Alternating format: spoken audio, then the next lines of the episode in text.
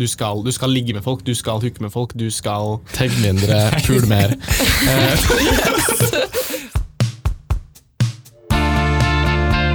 Du hører på Innsjekk. At jeg vil ha noe emosjonelt her. Å nei, kleint!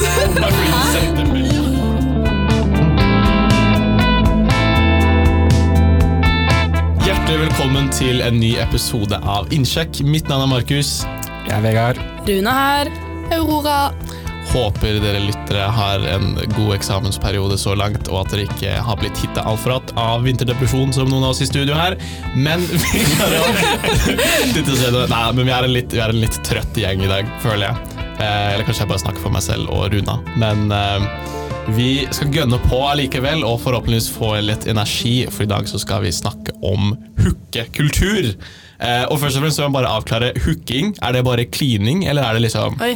noe mer? Fordi jeg trodde lenge at det var noe mer. Ja, jeg ville, nei, men jeg ville, eller jeg ville sagt generelt, ikke nødvendigvis sånn, men bare hele det konseptet om at man på en måte uh, hooker uansett hvor langt man går, men at det er liksom sånn um, en, pers en forskjellig person hver Ja, gang. Okay. Typ sånn. Det er sånn jeg fast litt partner. Ja. Ok, så Altså, jeg ville definert det som bare klining. Ja, Ok. Jeg har en tredje tilnærming. Nei, det er sånn, Når man sier hooke, så er det eh, oftest i form av eh, klining, Ja. men kan være mer. Men når man sier hookekultur, så er det Ja, da er det i hvert fall mer blurry. Da, kan Ok. det være, da, ja, da tenker jeg litt mer uh, i den retningen. Eh, men ja, fordi jeg leste litt, faktisk. Altså, uh, hook up culture, Ja. ifølge jeg leste også den artikkelen. Ja. i dag. det, det er bra. For det, det jeg føler på en måte Hookup culture er i hvert fall noe som accepts and encourages casual sex encounters, including one night stands and other related activity, without necessarily including emotional intimacy, bonding, or a committed relationship. Ok, mm. så ja, vi skal snakke om det. Ja. Og så meningene våre rundt det, våre erfaringer med hooking, hvem vi hooka med sist. Det blir veldig mye spennende informasjon som kommer i denne podkasten her. Men først så tar vi jo selvfølgelig en liten innsjekk. Eh, og Aurora, du kan starte. Ja, nei, eh, jeg er nok eh, litt sånn i eksamensmodus, og jeg føler jeg har nettopp lest om dissosiative lidelser, og jeg føler litt at det er det jeg gjør når jeg leser til eksamen, at jeg på en måte dissosierer meg med resten av livet mitt, at jeg bare liksom Hjernen er veldig sånn fokusert på bare det, som regel. Eh, eller det er i hvert fall det jeg prøver på, å bare liksom legge alt annet vekk og lese. Så det er litt deilig, men også litt rart.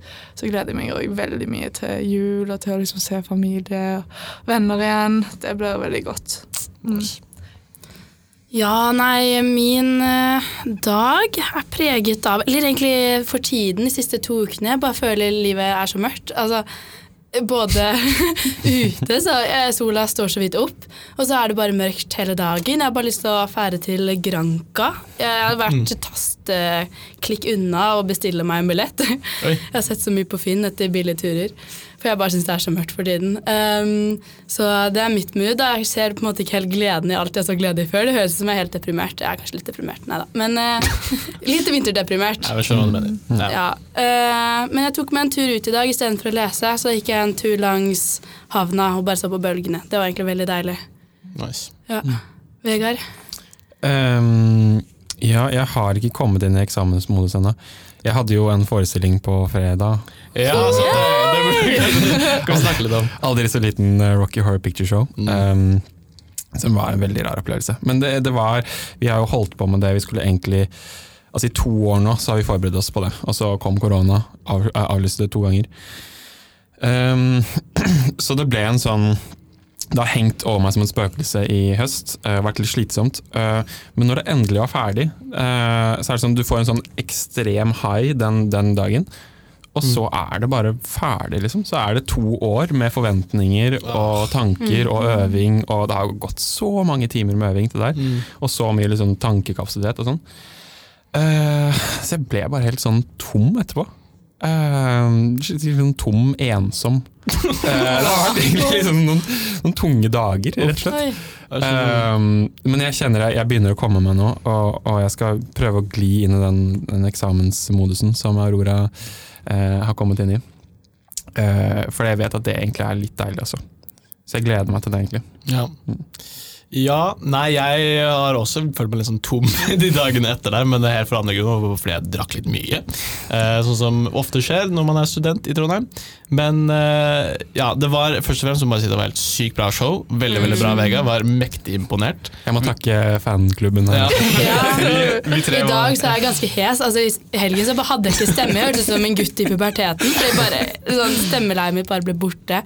Men eh, jeg er fortsatt litt hes, men mye bedre. Ja.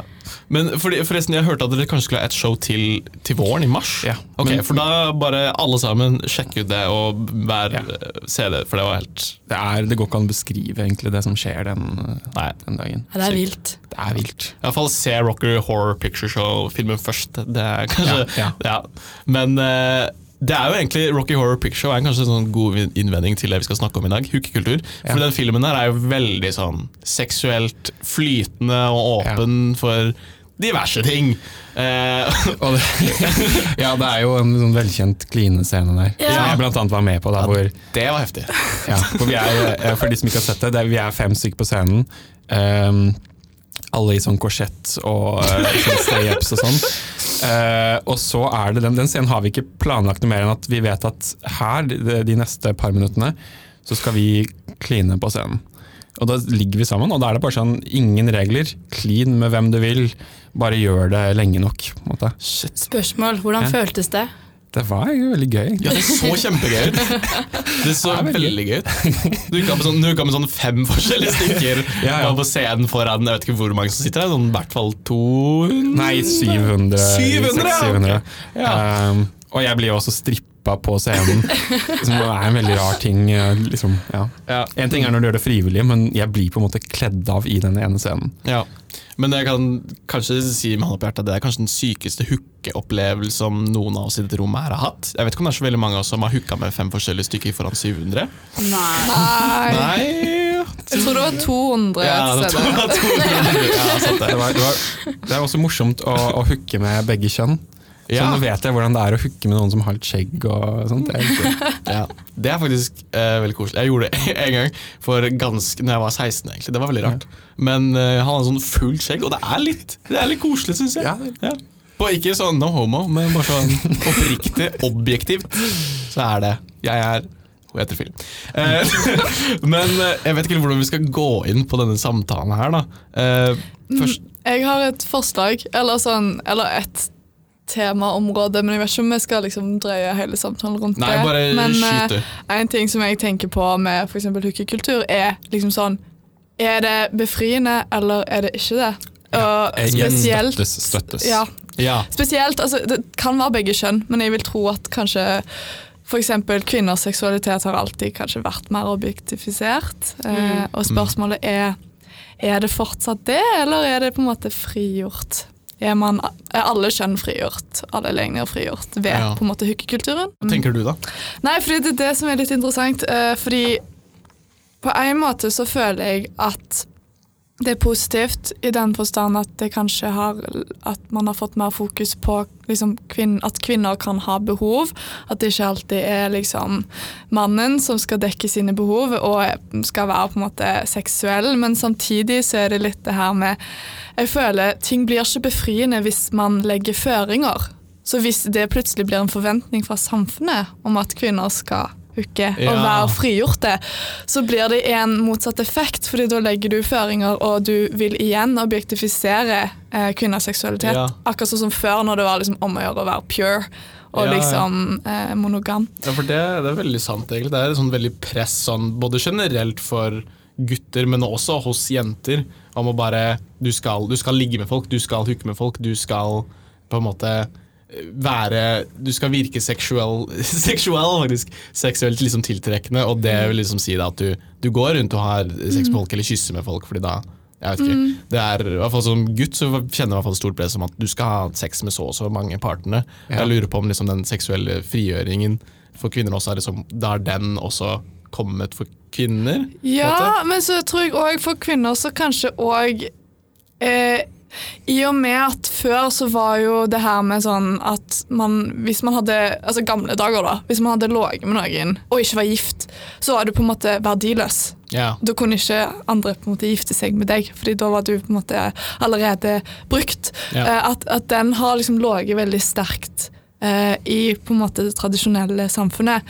Eh, og så nå når det på en måte er liksom litt mer Altså Man er jo mer frigjort. Kvinner tar jo i større grad egne valg, og vi blir jo sett på mer som intellektuelle vesener. Eh, på en måte Så er det litt interessant om man har klart å komme helt bort ifra den tankegangen likevel. For jeg har jo venninner som på en måte opplever å liksom Enten opplever sjøl liksom bli kalt for hore, eller liksom at, at man får litt det stempelet, eller personlig føler at de er for på en måte out there. Ja. Så det, samtidig som man vil, man vil jo samtidig være attraktiv, man vil samtidig være desired. Så jeg Ja. føler en sånn slags sånn rar sånn på en måte, Det er to sider av samme sak. Jeg er Ja. veldig torn sjøl på hva jeg tenker om det. Jeg vil i si at Det er nok bedre på en måte den kulturen og sånn vi har i dag. på en måte, Ja. At, at Ja. mindre seksuelt frigjort enn sånn det var på jeg vet ikke, 40-30 eller hva, Mm. et eller annet tallet. Men Runa, jeg er litt interessert for hva du tenker om det, fordi du har jo kjæreste. Hvor lenge har dere vært sammen? egentlig? Eh, halvt år. Ja, ok. Så hva er det, når du, som du liksom har hatt kjæreste i halvt år, har du fått noe liksom ulikt? For jeg, når, jeg har vært i forhold, så er jeg egentlig glad for at det er et forhold, så jeg slipper det på en måte press om at jeg må jeg vet, jeg vet ikke, Det føles litt ut som et press noen ganger på at du eh, Jeg vet ikke hvordan jeg skal fortelle om det. Det føles feil å si at du må hooke med noen, men det er et eller annet sånt ja, Skjønner du hva jeg mener? Eller er det ikke noe jeg skjønner hva du mener, men samtidig tror jeg nok jeg aldri har følt så veldig på det at jeg må noe som helst i livet. Nei, ok. Så kanskje feil person å spørre. Ja. Fordi jeg vet ikke, jeg syns jo det var gøy å hooke på fest og være litt sånn do my thing, men man har jo opplevd, eller jeg har opplevd situasjoner jeg også skulle ønske jeg var foruten. Så eh, på en måte å være i forhold, så er det litt kjipt å ikke bare leve litt livet sånn Ja. eh, være fri, men altså Ikke overtolk det heller, men Men på en annen side så slipper man å komme i de situasjonene hvor man tenker det her kunne jeg vært foruten. Ja. Og ja, jeg skulle ønske jeg ikke havnet i denne situasjonen. Og vi så jo statistikk eh, Kinnair viste på en eh, presentasjon en gang, en forelesning om eh, kvinner versus menn etter one night stands. Hvor kvinner i mye større grad angret på at de hadde gjennomført det og tenkte det her skulle jeg vært foruten, og var mindre glad for at de gjorde det. Mens menn hadde også litt den statistikken, men i mye mindre grad. Og det var nettopp den forelesningen òg, så husker jeg bare en litt sånn interessant fakta. eh, som han presenterte, var at kvinner i større grad fikk negative følelser i den forstand at de var sånn redde for å få følelser, og at de fikk følelser for personen de hadde hatt sex med. Mens eh, menn i større grad fikk negative følelser i den forstand at de ville komme seg vekk. Det er òg noe som er litt sånn interessant, hvordan det biologisk òg Ja. påvirker. Mm. Men ja. Ja, for, fordi, I hvert fall den, den greia der om man angrer eller ikke. Fordi jeg føler sånn For når jeg var når jeg var tenåring, eller jeg er jo akkurat ikke min tenåring, men sånn når jeg var yngre da, og hooka rundt og, og så videre, så var det Da angrer jeg ikke på etterpå. Da var jeg sånn Ok, jeg følte jeg meg litt kul, ikke sant. Men nå, nå som jeg er blitt eldre, så er det mye mye oftere at jeg på en måte angrer på at ah, det der var ikke verdt eller hvorfor gjorde jeg det? Altså, jeg fikk ikke noe ut av det, og det var bare det var det bare en ny er- ting som bare gikk forbi. Og, ja. Det er det jeg syns er litt skummelt med denne hookekulturen. Ja. Jeg tror det er veldig mange som kjenner på en skamfølelse rundt det her. Kanskje også begge veier. At man kjenner på skam fordi jeg skulle ønske jeg hadde kyssa flere, ligget med flere. Men også skamfølelse jeg eh, har ligget med for mange. Ja, ja. Eh. det er nettopp det. Jeg tror folk har så sykt ulike grenser, og jeg tror at den hookekulturen Altså At det ikke blir befriende hvis det gjør at folk går på en måte på tvers av sine grenser. Den ene eller den andre veien. At de enten føler seg dømt fordi de kanskje har grenser som er mer frie enn det samfunnet på en måte forventer, eller andre veien. At de har for mye grenser. Altså Det blir jo ikke befriende når man har, legger føringer på det. Nei, det er sant. Ja, Det er i hvert fall det jeg har kommet til konklusjonen med. at ja. Men eh, det er også, eller jeg synes det er veldig spennende på synet på kvinner versus menn. Eller sånn, Knares eh, fremviste også en annen statistikk som handlet om onani. Eller han hadde kanskje ikke statistikk på det, men kanskje mer en tankegang om det. Jeg husker ikke helt. hvilke- Kunners onanitanke. Ja, Knares, ja, mye morsom forskning. ja, den handlet om at han mente at når menn onanerte, at kvinnens syn på det da var litt sånn Kanskje ikke at det var ekkelt, men det var litt sånn ja ja, de runker, bla, bla, bla. Så det er fint for dem. Men at det kanskje egentlig var mer attraktivt at når en kvinne onanerte, så tenkte gutter mer på kvinnen som oh, det var sexy. Ja. Jeg vet ikke helt om det stemmer eller ikke, Mm. men det var hans tankegang på det. i hvert fall. Ja. Jeg har også det inntrykket av at eh, kvinnelig seksualitet er litt mer sånn Seksualisert. ja, den, er, den er litt mer sexy, mens, eh, eh, mens seksualitet er litt mer skitten, på en måte. Ja. Ja. Eh, Det er jo litt interessant med tanke på at man i hvert fall tradisjonelt har tenkt at gutter kan få lov til å ha sex med flere, mens kvinner må være jomfru til hun gifter men seg. det, det henger kanskje litt sammen med det mønsteret da, om at menn tradisjonelt sett tar Det er de som er mest ute på jakt. Mm. Ja. Uh, han viser vel også noen, han har vel også sagt, uh, enten på forelesning eller noe annet, at det er på en måte det er kvinnen som bestemmer om det skal bli noe, som regel. Ja. Hvis man er Ja. ute. Det er de som, er, Mm. som Det er de som- selekterer. Ja. Ja. Så Mm. sitter med siste ordet. Så det er kanskje noe med det at det er litt eksklusivt, kanskje. Ja. Eh, at den kvinnelige seksualiteten er litt mer eksklusiv. Mm. Stemmer. Um, Så lurer jeg litt òg på, hvis man tenker sånn Hvem er det som vinner på at kvinner blir mer eh, frie i form av seksualitet? Er det liksom Er det fra Noen kvinner vil jo sikkert på en måte ha et behov, behov sjøl, og selvfølgelig er jeg veldig for at man skal kunne gjøre akkurat hva man vil. Mm. Men så er det jo bare litt interessant å tenke på er det markedskrefter der ute som på en måte vinner på at f.eks. Datingapper, da. mm. Og Vinner bare de i på- sosiale medier Ja, ja. Sånn, du får jo mye mer likes og kommentarer og sånn eksponering hvis du legger Mm. ut et litt slutty bilde eller har en mer sånn slutty feed. Da får du mer følgere, mer positiv oppmerksomhet. Sånn. Og sånn, Så- Hvem gjør man det for? Gjør man Ja, det for seg sjøl, eller gjør man det for at man skal føle seg desirable i liksom the male eye? Ja. Og Det er det jeg syns er så sykt. Det er sånn komplekst eh, samspill, om Ja. det er feministisk eller ikke, på en måte. Ja, jeg er Ja. litt sånn tårnpakka det, for jeg føler veldig mye blir bare sånn eh, Tilfredsstille the male gaze, da, på en måte uansett. Sånn, eh, før så var det handlet om at ok, kvinner skal være rene, og de skal, de skal være jomfruer når vi skal gifte med dem, osv. Men nå handler det om at ok, nå skal jenter se dritfine ut, og de skal være sånn og sånn. Jeg føler det uansett handler under sånn male gaze approval eller disapproval. Men eh, ja, jeg vet ikke, det er jo en annen side ved det også, da, for eksempel at det er jo ja, du har jo eh, sånn sexual awakening som virker veldig positiv, som Jeg vet ikke helt hva dere syns om f.eks. Uh, WAP.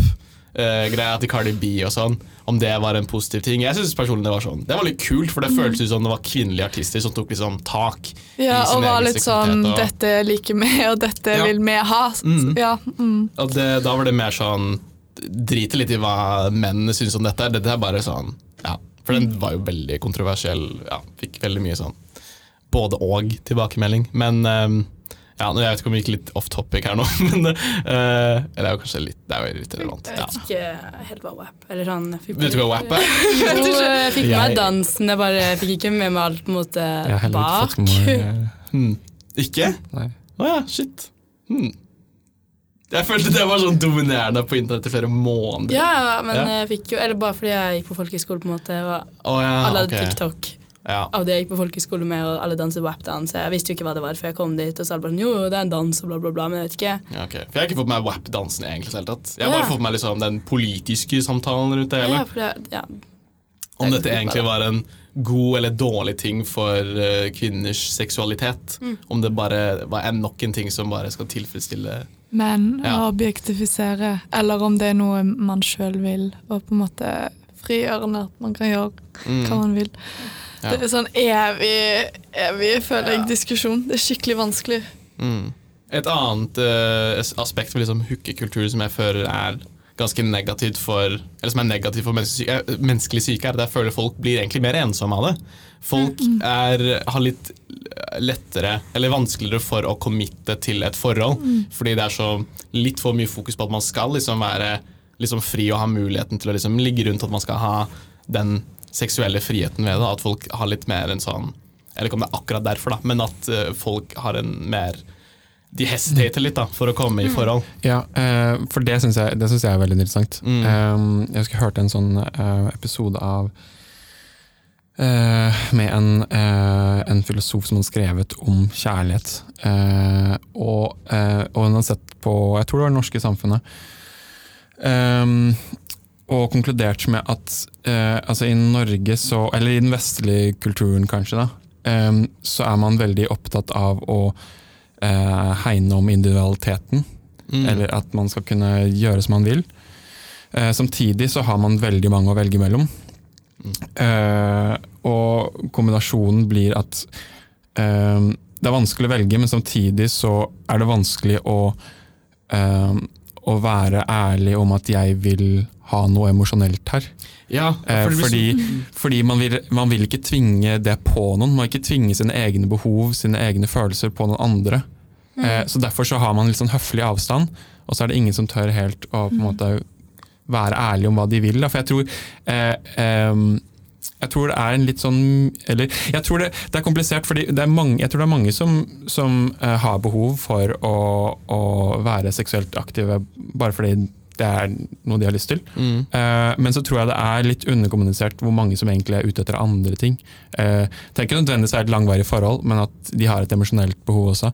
Eh, Og at um, jeg tror mange tilfredsstiller det behovet også med, med hookups. da. Ja. Selv om de kanskje egentlig ikke Eller kanskje kunne tenkt seg noe annet. da.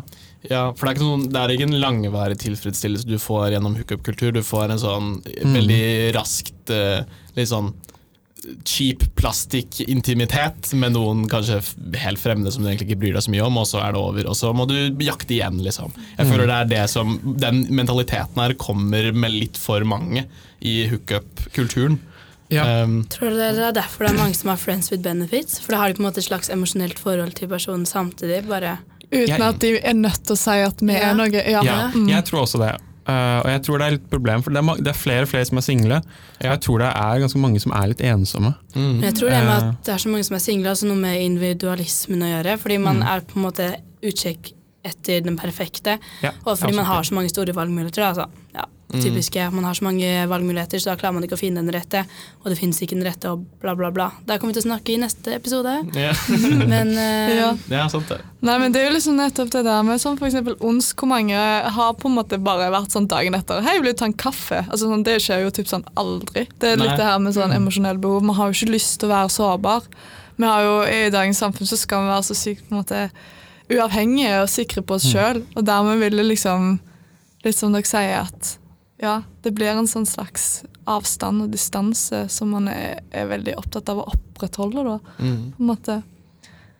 Men ja, det har jo aldri vært flere single, så spørs. så er, så er det også et problem at eh, eh, de appene sånn som Tinder, Mm. uh, de tjener jo på at folk ikke blir sammen.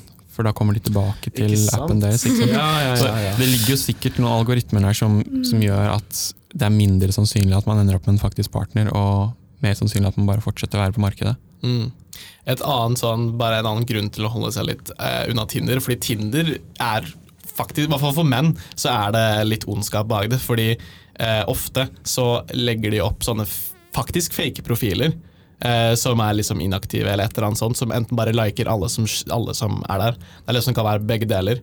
Liksom En av de første som du ser, og så får du en match med en veldig veldig vakker partner. da, Og så er det en, liksom en sånn rus at du har lyst til å fortsette. Selv om du ikke får noen faktisk kontakt med noen. Det er veldig uetisk. Det er veldig uetisk. Og noe annet jeg har hørt at algoritmen gjør, er at på en måte de matcher deg Hvis du er en person som blir mye swipa på, så matcher de deg med andre personer som blir mye swipa på. Ja. Så de på en måte selekterer hvem du vises ut ifra sånn, hvor, mange, hvor populære dere er. Ja. Det er helt sjukt. Det er, men det er masse, ja, den algoritmen er ikke bare sånn du får ikke opp randomme folk. De, de liksom skal skru på hjula akkurat sånn at du holder deg der mest mulig, og du får dopaminhiten akkurat der og da. Og ja. Og det er jo et annet aspekt ved det med å bli frigjort. Da. Mm. Eh, hvor fri er man egentlig på de plattformene der? Hvor, det er jo litt som å gå på rus. Ja. Man, Ja. man blir fanga i det.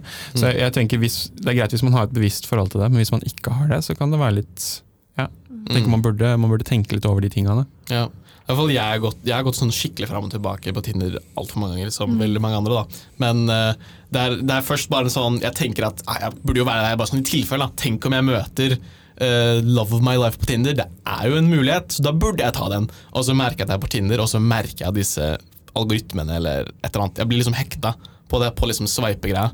Og jeg får ikke noe ut av det. Det er bare sånn tom, eh, tom tilfredsstillelse av et litt eh, skjørt begjær, på en måte, etter hvert. Um, så ja. Ja.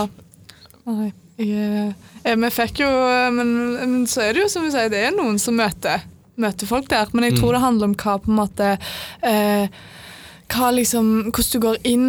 Eh, jeg snakka faktisk med noen i bare senest sånn ja, forrige uke om dette at de hadde møtt, eh, møtt sin eh, significant other på Tinder, men det var først etter de hadde på en måte endra tankegang rundt det. Og istedenfor å se på utseende eller se på muskler, liksom være litt sånn OK, nå skal jeg aktivt gå inn for å se om folk har like interesser som meg, og aktivt på en måte gå på dates, bli kjent. Og etter ganske mange fæle dates, det tok jo tid, men sånn til slutt så var det sånn Oi, deg hadde Ja. ikke mye med. Nå tror jeg det. Tinder er feil app. Fins det ikke andre nettsider hvor man kan putte inn interesser og litt mer sånne greier? da? Jo, men det er ikke så mange der. faktisk. Jeg, jeg, jeg, jeg, prøvde, jeg prøvde alle alternativer. Det var sånn en annen jeg- hum, Bumble. Humble, hinge Hinge er det ja. Mm. som hadde sett litt reklame for her i Trondheim. Og det var legit fire stykker i Trondheim. I hvert fall i de prøvene jeg hadde litt sånn Men ja. Eh, folk er nesten bare på Tinder, føler jeg. Um, så det er jo det er vanskelig med sånne datingapper. Fordi folk har så ulike forhold til det. For Jeg snakka med andre venninner som var sånn unmatcha folk med en gang de sendte melding. Hæ? Ja, fordi de var sånn Å nei, kleint. Bare fordi de sendte melding? Ja. Hvorfor skal man er de på da? Tinder, da? Sant, så det jeg- var jo det. Jeg har hørt, jeg, har hørt, jeg vet ikke om det er enig, men jeg, jeg har hørt at ehm, eh, for kvinner så er Eller kvinner bruker i større grad eh, eh, Tinder eh, som et sted hvor man kan få litt bekreftelse på at man er attraktiv. Mm. Og menn i større grad bruker det for å liksom få seg noe. Ok. Eh, så kan- sånn sett så kan det stemme litt, da. Det kan kanskje gi litt mening. Det mønsteret. Mm. Ja. Jeg vet ikke om vi kanskje skal runde av litt samtalen her. Vi har vært innom veldig mange forskjellige temaer. Eh, innom hookup culture. Eh, men vi har også eh, tilsendt lyttespørsmål. Eh, som vi skal hjelpe Hva, hva heter det segmentet her, egentlig? Vi har hatt det. Psykologistudentene svarer Ja. deg! Vi har Psykologistudentene svarer deg. Eh, og Runa, du har eh, lyttespørsmålet. Ja, dette er sendt inn fra jente19. Mhm. Ja. Ja. Du kan- Men du, høres ut som det er meg! Du kan. Vi kan, bare Jeg er 20. ljuge ut på, på alderen din for å Jeg tror jeg bare tar litt Google-søk her R-ordet. Ja. Vi kan bare Hvis du, du kan komme Men, men bare slapp Nei, men av. jeg Aurora, skal- eh. Stemmen din skal okay. vi Ja, okay. Jeg kan egentlig bare stille det nå, liksom. Ok, Da har jeg et spørsmål her som er sendt inn fra jente19. Eh, vi kan kalle henne for Lise. Hei sann, synapsegjengen. Jeg trenger et lite råd fra mine gode medstudenter. Jeg bor i et kollektiv med fire andre hvor ingen av oss var spesielt kjent fra tidligere. Spesielt han ene jeg bor med, har til tider og utide gått meg veldig på nervene. Det at han ikke tar ned dolokket etter seg, har jeg funnet meg i, men det å late som de andre i rommet ikke er der, er svært merkelig. Oppholder seg konstant på rommet sitt. I tillegg ser han konstant veldig ubekvem og ukomfortabel ut, og venter på med å komme ut fra rommet sitt før han hører at det er stille på kjøkkenet. I starten av semesteret tenkte jeg at han sikkert bare er en sjenert type og trenger litt tid å åpne seg, men nå hilser han i tillegg aldri og sier ingenting med mindre du snakker til ham. Fyren har en bruker på Instagram hvor han tegner og skriver til bildene sine hvor mye er litt mørkt, melankolsk og destruktivt. Litt sånn 'jeg må få orden i hodet'-opplegg. Skal vi alle bare å fortsette å leve som fremmede under samme tak? Skal jeg prøve å snakke med han om hvordan det egentlig går med han? Hva ville dere gjort? Oi, det var komplekst. Eh, Men det høres litt ut som man er rett og slett noe deprimert? Eller hva tenker dere som kommende psykologer? Jeg lurer på litt sånn om han er sosial, om de har fått liksom inntrykk av at han har sin vennegjeng eller ikke. Ja. Fordi det, det føler jeg har litt å si. Om han, det er bare det at han trives liksom å bare være for seg sjøl hjemme i kollektivet. Eh, eller om han på en måte virker som ikke har noen som han snakker med. Det kan jo litt virke som han ikke har venner heller, hvis han Nei. er mye på rommet. Og, men jeg vet ikke om de, de burde jo kanskje egentlig snakke med han og spørre Ja, om han har ja. venner, men det er jo veldig vanskelig å spørre om, da. Ja, altså Det er en veldig ukomfortabel situasjon, spesielt når du ikke kjenner personen så veldig godt. Men uh, jeg vet ikke, hvordan, hvordan ville dere gått fram hvis dere var i den situasjonen? Jeg er veldig usikker Jeg på hva jeg ville ikke, jeg vet ikke hva jeg har gjort nå, men det som er jeg tenker, i et kollektiv så er det lurt å ha litt sånn sosiale greier, Ja. sånn at man blir litt kjent. Jeg vet ikke om de har hatt det, men det er jo en god idé. Um, hvis det har blitt et stort problem, så kan det hende det er fint å prate med han, tenker jeg. Ja, det kan jo være greit å ha en felles middag, da, hvor man finner en søndag Søndag? En søndag hvor alle har muligheten, og så har man søndagsmiddag, og så kan man snakke litt om hvordan livet går, og tøys og tull, og bare bli litt bedre kjent. Ja. Det er, jo, det er jo desember snart, det er litt sent i året, det vil jeg si, men, eh, men eh, det er aldri for sent å bli kjent med hverandre. Nei. Så Det er i hvert fall en veldig god idé å bare begynne å innse litt mer til sånne felles sosiale ting. Da. Og hvis vi sier at han sier nei de første gangene, så bare fortsett å prøve helt til han må. Eller ikke må, da, men uh, at han til slutt kanskje blir med. da. Samtidig tenker jeg at man skal ta det litt på alvor hvis det er eh, kommunikasjonsproblemer i et kollektiv. Mm. Fordi man er ganske mye hjemme, eller man kan i hvert fall i perioder være det. Og det kan tære ganske mye på psyken. Eh, så hvis det er et problem, så tenker jeg det er fint å ta det opp. Mm. Kanskje ikke, Og ikke ta en intervention med liksom hele kollektivet. Nei, Men fint å kanskje ta en sånn én-til-én-greie. da Finne Ja. ut hva, hva tenker du om det her. mm. Og Det som er litt vanskelig med sånn kollektiv, da, der man ikke kjenner folk fra før er at man alle tror jeg har litt ulike behov for f.eks. det å være sosial. Noen personer ønsker jo kanskje å bare være i sin egen boble når de er hjemme, mens andre er veldig liksom, hadde syntes var koselig å slå av en prat på kjøkkenet. liksom. Ja. Så det er på en måte litt som Vegard var inne på, at på en måte, da må man i så fall bli enige om hvordan vi ønsker å ha det, og hvordan vi ønsker å kommunisere. Mm. Men det er jo litt ekstremt å ikke gå ut på kjøkkenet fordi det er noen andre der. Da føler jeg Da misliker man de andre eller har absolutt ikke lyst til å snakke. eller sånn. Ja, det er jo grader der også. da. Noen liker jo kanskje ikke alltid å gjøre det, men noen ganger. Eh, men jeg tenker jo et, et altså Man må jo kunne hilse på hverandre. Ja, det tenker Så der, der tenker jeg der går definitivt grensen. Det er Eh, ganske sånn alvorlig tegn, egentlig, bare det at Ja. han vil ikke hilse engang. men det kan jo også være at han bare syns det er utrolig ubehagelig. At det blitt en sånn negativ eh, spiral av at han Mm. følte at han aldri kom helt inn, og så ble det bare større og større avstand, og nå syns han kanskje er ubehagelig. Mm. Pepperkakebaking! Ja! Pepperkakebaking! Det Ja, generelt bare sånn, jeg tror det kommer langt sted å bare hele tida innse til litt felles ting i kollektivet. Jeg vet ikke hvor go godt miljø det er mellom de andre i det kollektivet der, men eh, det hjelper jo uansett hvilket kollektiv det er, uansett hvor jævlig det måtte være, så er det uansett lurt å ha felles ting. Og- Så det ikke blir en sånn tror jeg det er eh, undervurdert å, virkelig sette seg ned og lage noen felles kjøreregler for kollektivet. Mm. Um, jeg husker vi hadde sånn gruppefag, jeg hadde masse gruppefag i i fjor.